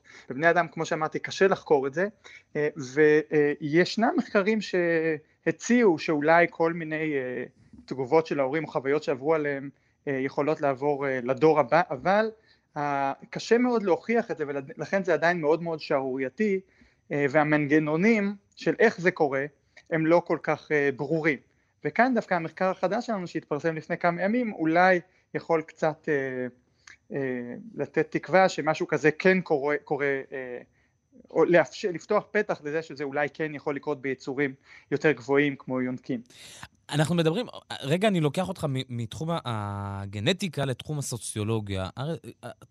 העברת טראומה מדור לדור בסוציולוגיה ובאנתרופולוגיה כבר נחקרת הרבה מאוד שנים, בין אם זה אה, אה, בשואה, 9-11 מאוד מאוד מפורסמת, אה, אה, ממש אנשים, וגם אה, מדברים על זה הרבה, טראומה של הגירה. טראומה שעוברת בדרך כלל בדור השני, מזהים דברים, כמו שאמרת, על תולעים, שפתאום הרעבה בדור הראשון פיתחה הסתגלות או הישרדות, או האריכה חיים בדור השני. עד כמה הקשרים שלכם כ, כ, כמי שחוקרים גנטיקה מתקיימים עם מחלקות נוספות כדי באמת אולי אה, אה, להשוות ממצאים אנתרופולוגיים וסוציולוגיים? אז קודם כל אה, אתה במיליון אחוז צודק, זה באמת, וברור ש, שהעברה תרבותית של טראומה יכולה להתרחש ואנחנו רואים אותה ואנחנו חווים אותה גם בישראל, אבל איך זה בדיוק מתקשר עם המנגנונים הביולוגיים ומה יכול להיות מועבר רק בחומרים המורשים, בלי שנספר את זה לילדים, זה לא ברור. אני חייב להודות שהקשרים שלנו עם אנשים במחלקות האחרות, אה, סוציולוגים למשל, אה, או היסטוריונים שחוקרים את זה, הם לא רבים. זאת אומרת, אה, קשה, אלו רמות של אנליזה שונות לחלוטין, ולכן קשה לעשות את זה, אבל צריך לעשות את זה, והלוואי שהיו עושים את זה יותר. מעניין לעשות איזה משהו, מחקר ארוך טווח כזה, שהוא... כן, למרות שפה בודקים מה קורה בגוף, ולמשל, אני רוצה לשאול, אחד הדברים שגילו, למשל באותו מחקר אה, שקרה אחרי 9-11 בארצות הברית, הוא העניין של הקורטיזול בגוף. זאת אומרת, ברגע שאנחנו באיזושהי חרדה או טראומה, עולה הקורטיזול בגוף שלנו, ואז אנחנו יכולים לראות שגם אצל העוברים או התינוקות שנולדים יש עלייה בקורטיזול. אבל זה לא מה שאתה מדבר עליו, זאת אומרת, אנחנו מדברים כבר על גנטיקה. זאת אומרת, זה נכון, עוד צעד אז, קדימה. זה, נכון, זה, אז זה עוד צעד קדימה, למשל, היה מחקר מאוד מפורסם על, אה, על אה, נכדים וילדים גם של אה, נשים שהורעבו במהלך מלחמת העולם השנייה ברעב גדול שהיה שם בהולנד. ו, ובאמת הצאצאים הם, הילדים והנכדים הם שונים בכל מיני בחינות, אם הם נולדו לאימהות שהורעבו, הנאצים צרו על חלקים של הולנד במשך חצי שנה, אז היה שם רעב מאוד גדול, אה, ו, ורואים שבאמת הילדים והנכדים שונים בכל מיני תכונות, גם תכונות אה, לגמרי פיזיולוגיות, למשל יש להם יותר סוכרת, אבל גם כל מיני דברים שקשורים למוח, למשל יותר סכיזופרניה ו, mm. ובעיות אחרות. עכשיו, הש... ואז השאלה איך, איך זה קורה והאם זה באמת גנטי או לא.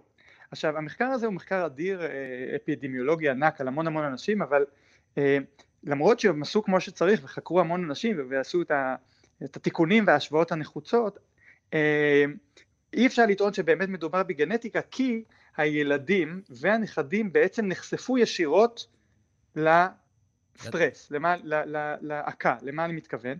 אז אה, המחקר השווה בין ילדים שנולדו לאימהות שהורעבו לאימהות שלא הורעבו, אוקיי? Mm-hmm. Okay? אבל בעצם כשהאימא מורעבת, אם התינוק נמצא ברחם אז התינוק נחשף ישירות לערבה, הוא בעצמו מורעב, ולא רק זה, לתינוק בשלב הזה בעצמו כבר יש תאי מין, ביצית או זרע, ו, ו, ולכן אפילו הדור הבא, אפילו הנכדים נחשפים ישירות להרעבה במקרה הזה. זה, אז זה לא באמת הורשה, זה חשיפה ישירה. במח... זה עדיין מעניין וחשוב, אבל זה לא באמת הורשה. במחקר... השאלה היא אם יש כן. גם דברים שמורשים קדימה הלאה, הרבה דורות גם לאנשים שלא נחשפו בכלל. דברים כאלה יש בתולעים, האם הם קורים בבני אדם, אנחנו פשוט לא יודעים עדיין. אגב, מעניין, אה, בש, ב, במחקר של התולעים שלכם, שלך שעשיתם, אה, באיזה שלב העוברים אה, נוצרים? בשלב של הערבה, של הטראומה, או בפוסט-טראומה, אחרי? אז אנחנו גם חקרנו תולעים שלא נחשפו בכלל, וגם הלכנו לבדוק הרבה הרבה הרבה דורות קדימה, ועדיין ישנה השפעה. והסיבה היא שיש פה מנגנון ייעודי שיודע לשכפל את המולקולות האלה שמורשות במקביל ל-DNA ולגרום להם להמשיך ולהיווצר שוב ושוב ושוב ושוב מחדש בכל דור. הרי כל דבר שאנחנו מייצרים ילך וידלל בכל דור. כל תולעת מייצרת בערך 250 צאצאים אז הדילול הוא יהיה אדיר ואחרי ארבעה דורות זה כבר דילול בפקטור של מיליארדים וברור שלא יישאר כלום אלא אם כן יש אפשרות לשכפל את זה ולייצר את זה כל פעם מחדש ובתולעת יש מנגנון כזה שמאפשר, כמו שיש מנגנון שמשכפל DNA, יש גם מנגנון שמשכפל את המולקולות האפיגנטיות האלה. לכן היא טובה למחקר. במקרה של התולעת כן. זה הורשה של RNA. RNA. אז לסיום, כי אנחנו צריכים לסיים, אה, אה, פרופסור רחבי, אה, אמרת שהמחקר האחרון שלכם כבר נתן איזה תקווה שזה לא רק בתולעים, אלא שאנחנו בשלב הבא. אה, מה זה אומר?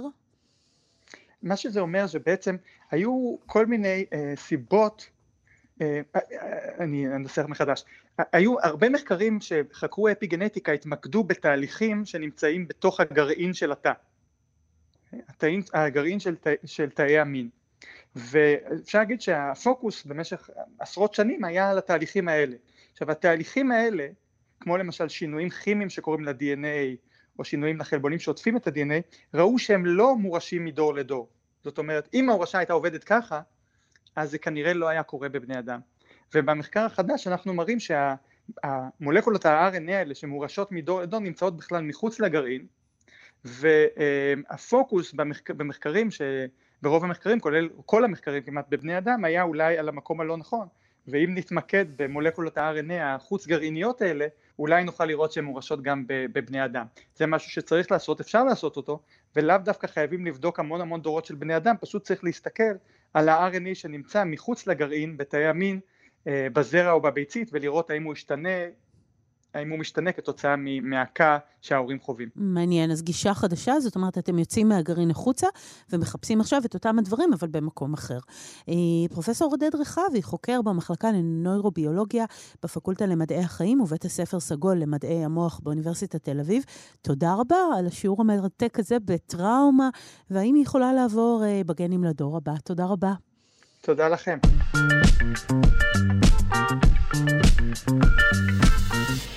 לרגל המצב הקמנו את החמ"ל של כאן, המקום שמרכז בעבורכם ובעבור יקיריכם את כל היוזמות האזרחיות לסיוע ללוחמים ולאזרחים. אירוח לתושבי הדרום והצפון, חלוקת מזון, חיפוש יקירים, או רק לפרוק את מה שעל לבכם. לפרסום ולאיתור יוזמות, הצטרפו עכשיו לקבוצת החמ"ל של כאן בפייסבוק, או מצאו אותנו באתר וביישומון כאן. אנחנו כאן.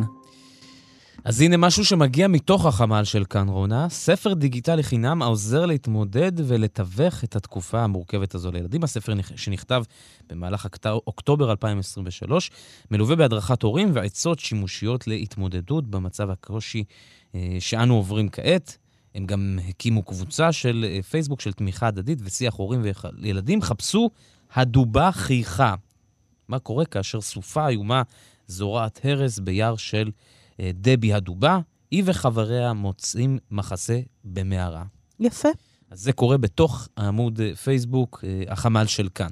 היכנסו, פרסמו, קראו, אנחנו נמצאים שם.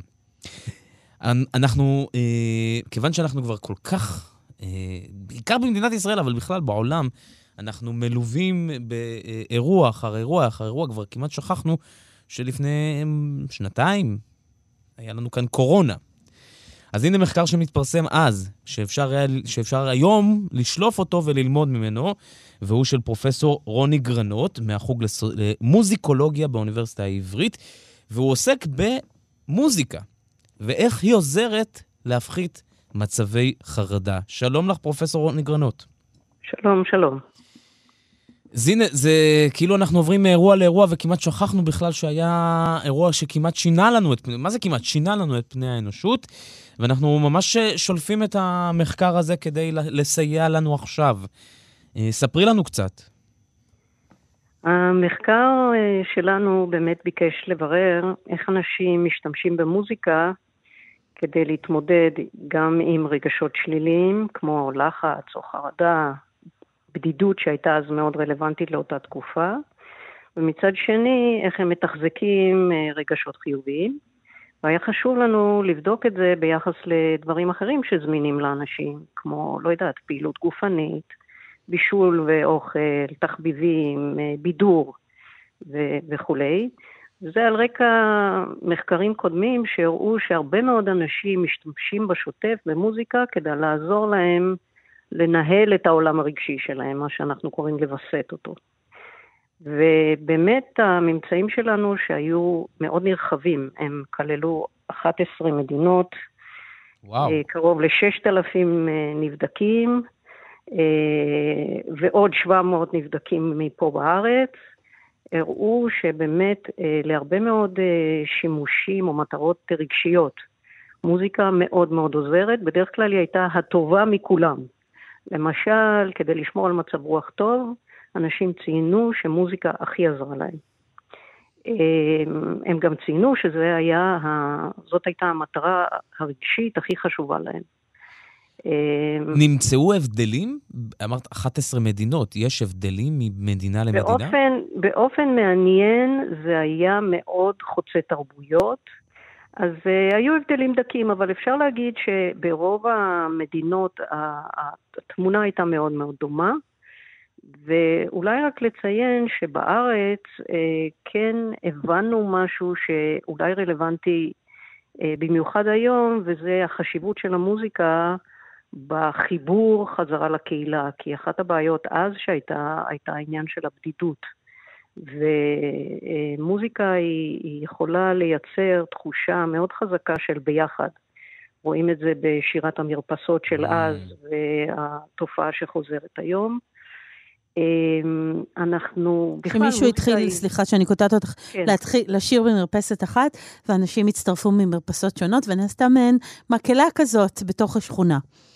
נכון, זה, לזה התכוונתי בשירת המרפסות, ובאמת שאלנו את האנשים האם זה עזר להם, האם מי שהשתתף בחוויה כזאת, האם uh, מצב הרוח שלהם השתפר, האם התחושה שלהם שהם uh, ביחד בקהילה, אז היה uh, בהחלט uh, תמונה מאוד ברורה שזה מאוד מאוד עזר לאותם אנשים, אם כי לא כולם כמובן השתתפו בדבר הזה.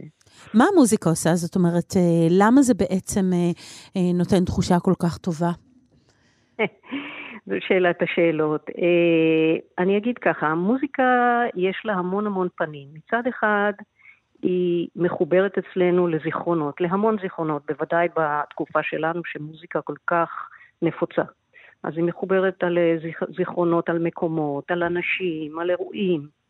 אה, והרבה פעמים באופן בלתי מודע, זאת אומרת, אנחנו לא בהכרח נזכור ששמענו את המוזיקה הזאת באירוע המשמח או העצוב הזה, אבל ברגע שנשמע אותה שוב, הזיכרון הזה, רוב הסיכויים שהוא יעלה, ולאו דווקא ברמה מודעת. וכאן יש לה כוח מאוד חזק בעבודה התת-מודעת הזאת. היא גם מחוברת לערכים חברתיים, לאומיים, דתיים. מספיק לעקוב אחרי הסרטונים המצמררים הרבה פעמים של שירת התקווה בכל מיני קונטקסטים עכשיו בימים האלה, כדי להבין איזה, איזה כוח אה, חזק יש לה בחיבור הזה. מצד שני, גם אה, גירוי אסתטי, משהו שגורם לנו הנאה ברמה שמעוררת אצלנו מעגלים מוחיים שקשורים לחוויות הנאה אחרות מהביולוגיות והבסיסיות ביותר של לאכול משהו מתוק, ועד לדברים אחרים שלמדנו שהם גורמי הנאה.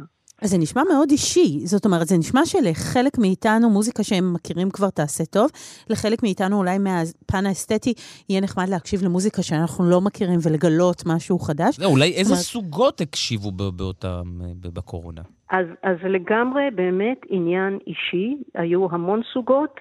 מה שלמדנו זה שהטקסטים, ביקשנו מאנשים אה, שירים ספציפיים שעזרו להם לעבור את, ה, אה, את אותם אה, ימים קשים, במיוחד בסגר, וגילינו שלמרות שהתחושה שלנו שמילים בטק, בשירים הם לאו דווקא הדבר העמוק ביותר הרבה פעמים, אז כן, יש לזה משמעות, ויש איזושהי תבנית שאפשר לראות שאנשים נעזרו במילים, בדרך כלל אה, בכיוון שהמילים שיקפו את מצבם הרגשי.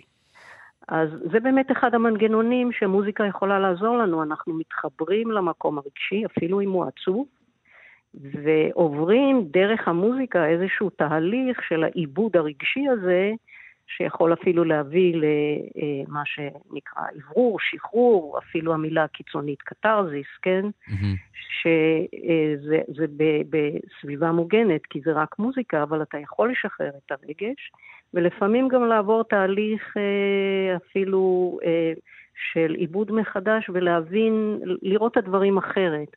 נגיד מוזיקה שמתחילה עצובה, אבל מסתיימת בצורה שהיא הרבה יותר אנרגטית ו... אה, מעבירה תחושת חוזק. מלבד, מלבד רדיו, שבטוח כולם מאזינים וכולם אה, לכאן תרבות, על, באיזה אה, אופן דיווחו אנשים שמאזינים למוזיקה היום? רוב הפלטפורמות היו אה, יוטיוב, אה, סטרימינג, אה, פחות רדיו, אני צריכה להגיד. לא נעים לי. כמובן, זהו, זה כמובן היה בבדיחות הדעת. למה אני שואל את זה? כי זה בעצם אומר שאנשים כבר... יודעים איזה מתכון הם רוצים. הם יודעים, כמו שדיברת קודם על, על אוכל, אנחנו יודעים שכשאנחנו עצובים, ללכת למתכון הזה, ונוסיף גם קצת את הפלייליסט הזה, וכשאנחנו שמחים, אז אנחנו יודעים לשים את המתכון הזה, ואתה עוד להוסיף קצת לטבל אותו עם השיר הזה, נכון? אתה צודק לגמרי, אם כי צריך להגיד שיש גם שימוש, אה, שאנשים צריכים להיות מודעים להאם המוזיקה הזאת ברגע הזה עושה להם טוב, כי לפעמים אה, מחקרים הראו שאנשים שלמשל אה, בדיכאון ועסוקים מאוד בתחושות הקשות ובמצב הקשה, והם ישמעו מוזיקה עצובה, זה עלול דווקא לא לעבוד טוב. אז אחד מהדברים שכדאי uh, לשים לב אליו, זה שאנחנו אחראים, uh, כמו על כל דבר שאנחנו uh, uh, עושים כדי לווסת ולשמר מצב רוח טוב, ולווסת את המצב רוח, אז גם מוזיקה זה דבר שצריך לצרוך אותו נכון, ואני, ואני לגמרי איתך במובן הזה שאנשים עושים את זה באופן אינטואיטיבי רוב הזמן מצוין. ואין מתכון אחד. אין מתכון אחד, כי כל אחד לוקח מהמוזיקה את, את הדבר שבאותו רגע נכון, נכון לא עולה. טוב, אבל מוזיקה זה דבר אה, שטוב לשמוע בעתות כאלה, וטוב גם שאנחנו שמים כאן שירים בתוכנית, אה, ונותנים את ההפוגה המוזיקלית הזאת. אה, תודה רבה, המחקר שלך כאמור עסק בקורונה, אבל הוא מתאים לכל מצבי דחק כאלה ולחץ, כמו שאנחנו עומדים בהם עכשיו. תודה רבה לכם. תודה רבה. פרופסור רוני גרנות, מהחוג לסוצ... למוזיקולוגיה, למה אני אומר כל הזמן סוציולוגיה? למוזיקולוגיה באוניברסיטה העברית. תודה רבה לך.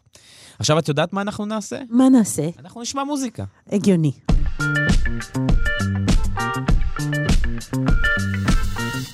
אז אנחנו uh, בכאן תרבות, וכעת אנחנו נדבר על פרקים. אנחנו uh, מתקרבים, כמו שאמרת, אמיתי, אל החורף, בתקווה שיגיע בקרוב עם הגשמים. מה זה מתקרבים? אני לא יודע אם שמת לב. השעה 5.42?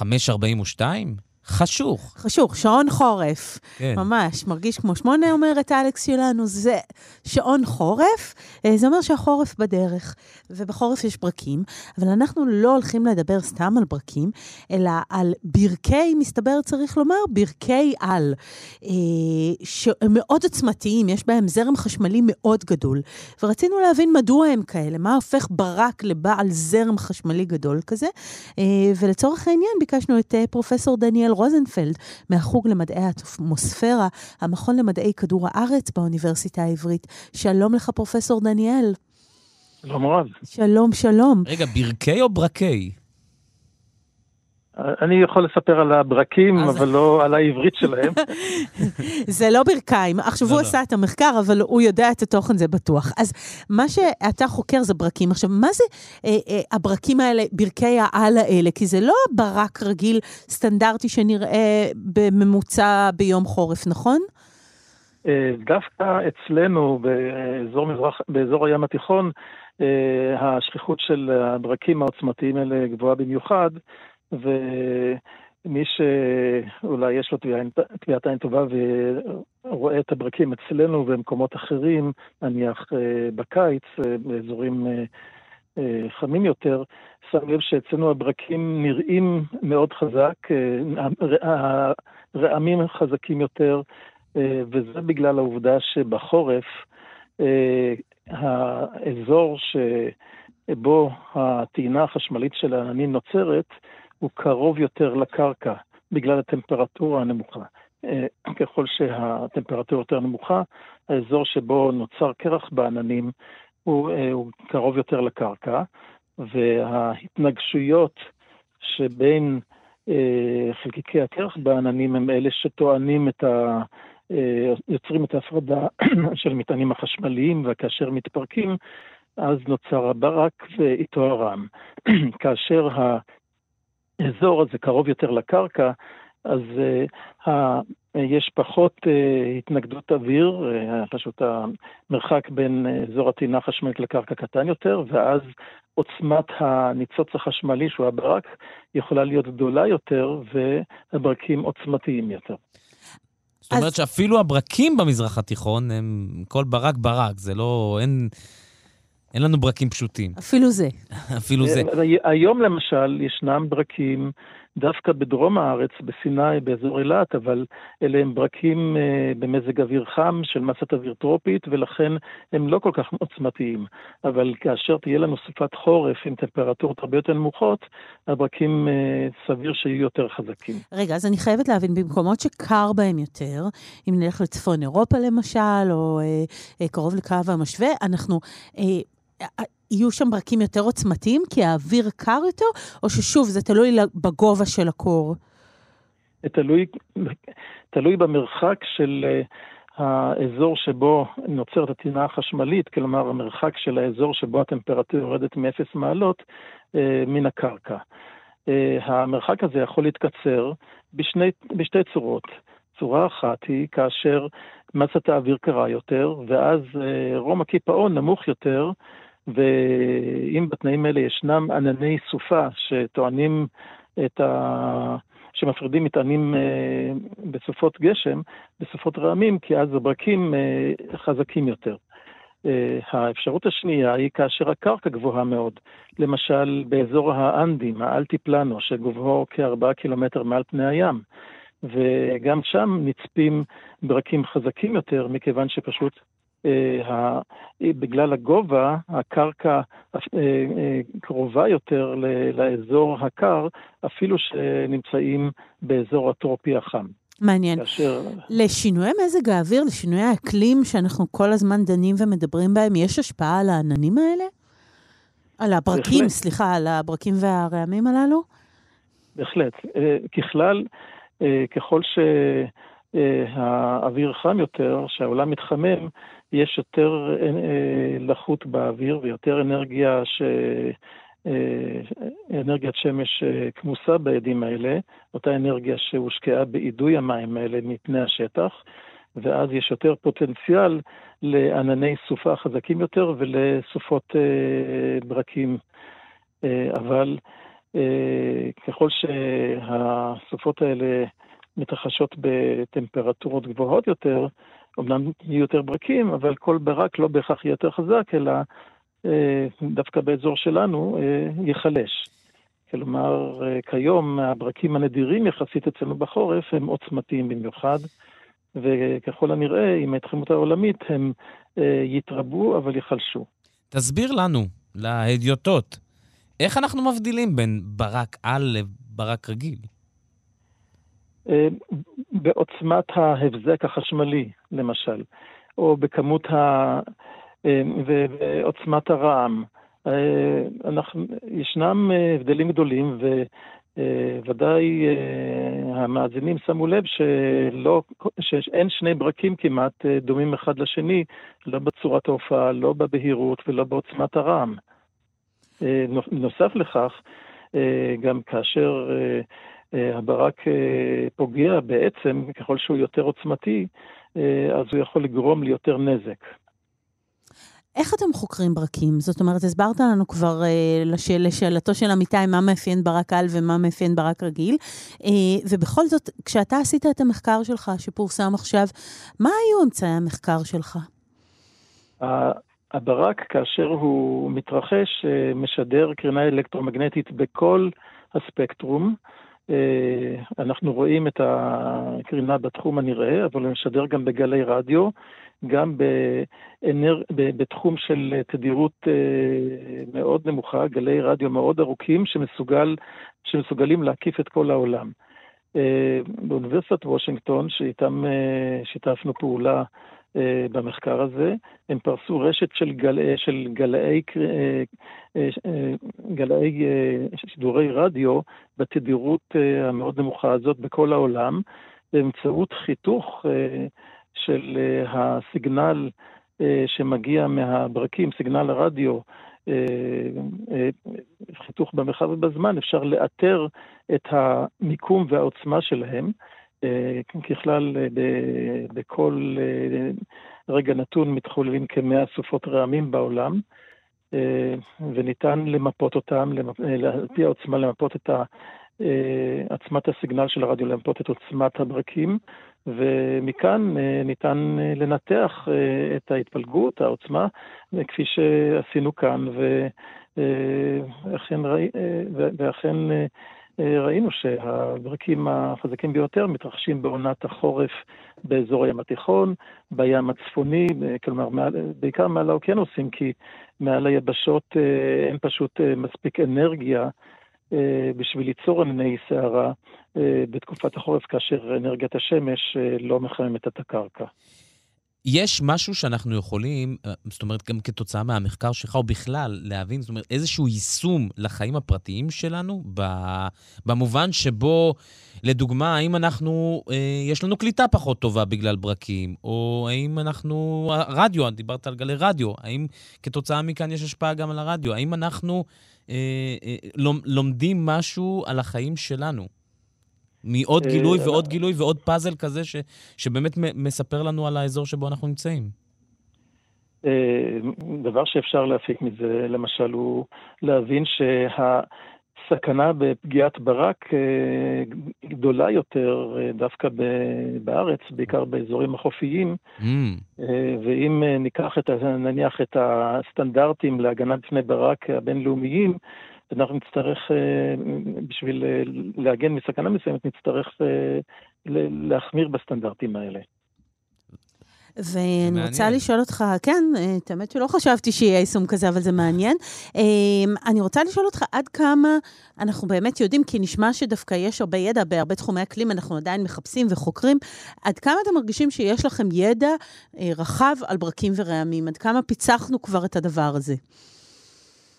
אה, אנחנו יודעים לתאר את הברקים אה, ואת החשות שלהם, את הפריקה של החשמל באטמוספירה, אבל עדיין המנגנון הבסיסי ביותר, המולקולרי, של, שבו אה, בהתנגשות בין שני סוגי קרח עובר המטען החשמלי בין, ה, בין החלקיקים השונים, זה עדיין לא ברור, ודיו, ויתרה מזאת, אפילו סוג המטען החשמלי, עובר, אם הברק הוא מוריד מטען חיובי לקרקע או מטען שלילי לקרקע, הגורמים השולטים בכך הם עדיין לא ברורים.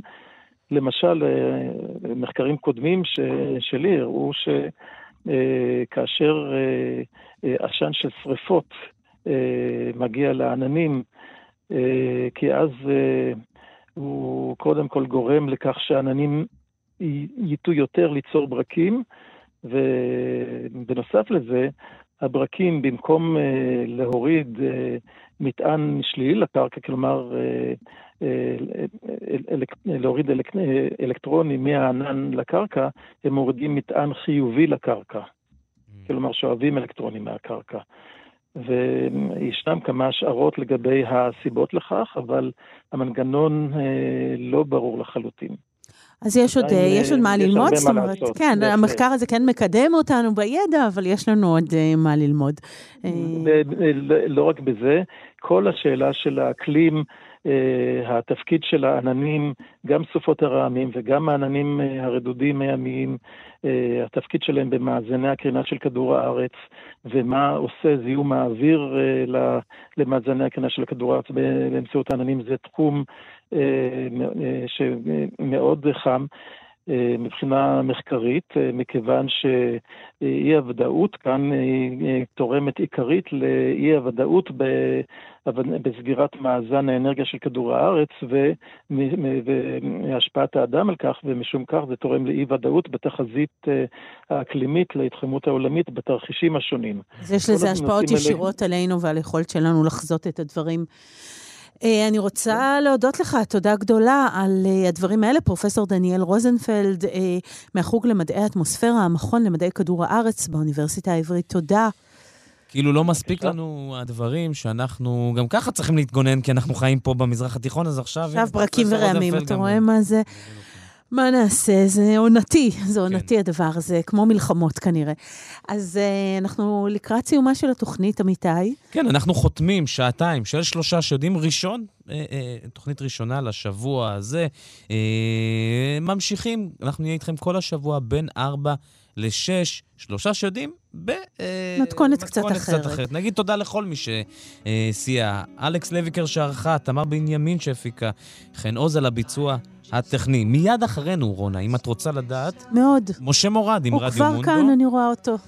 ומיד אחריו, נדב אלפרין עם אש זרה. אש זרה. אז תישארו ותאזינו, ושיהיה לנו לילה שקט. אמן. תודה. אתן מאזינות ואתם מאזינים לכאן הסכתים. כאן הסכתים, הפודקאסטים של תאגיד השידור הישראלי.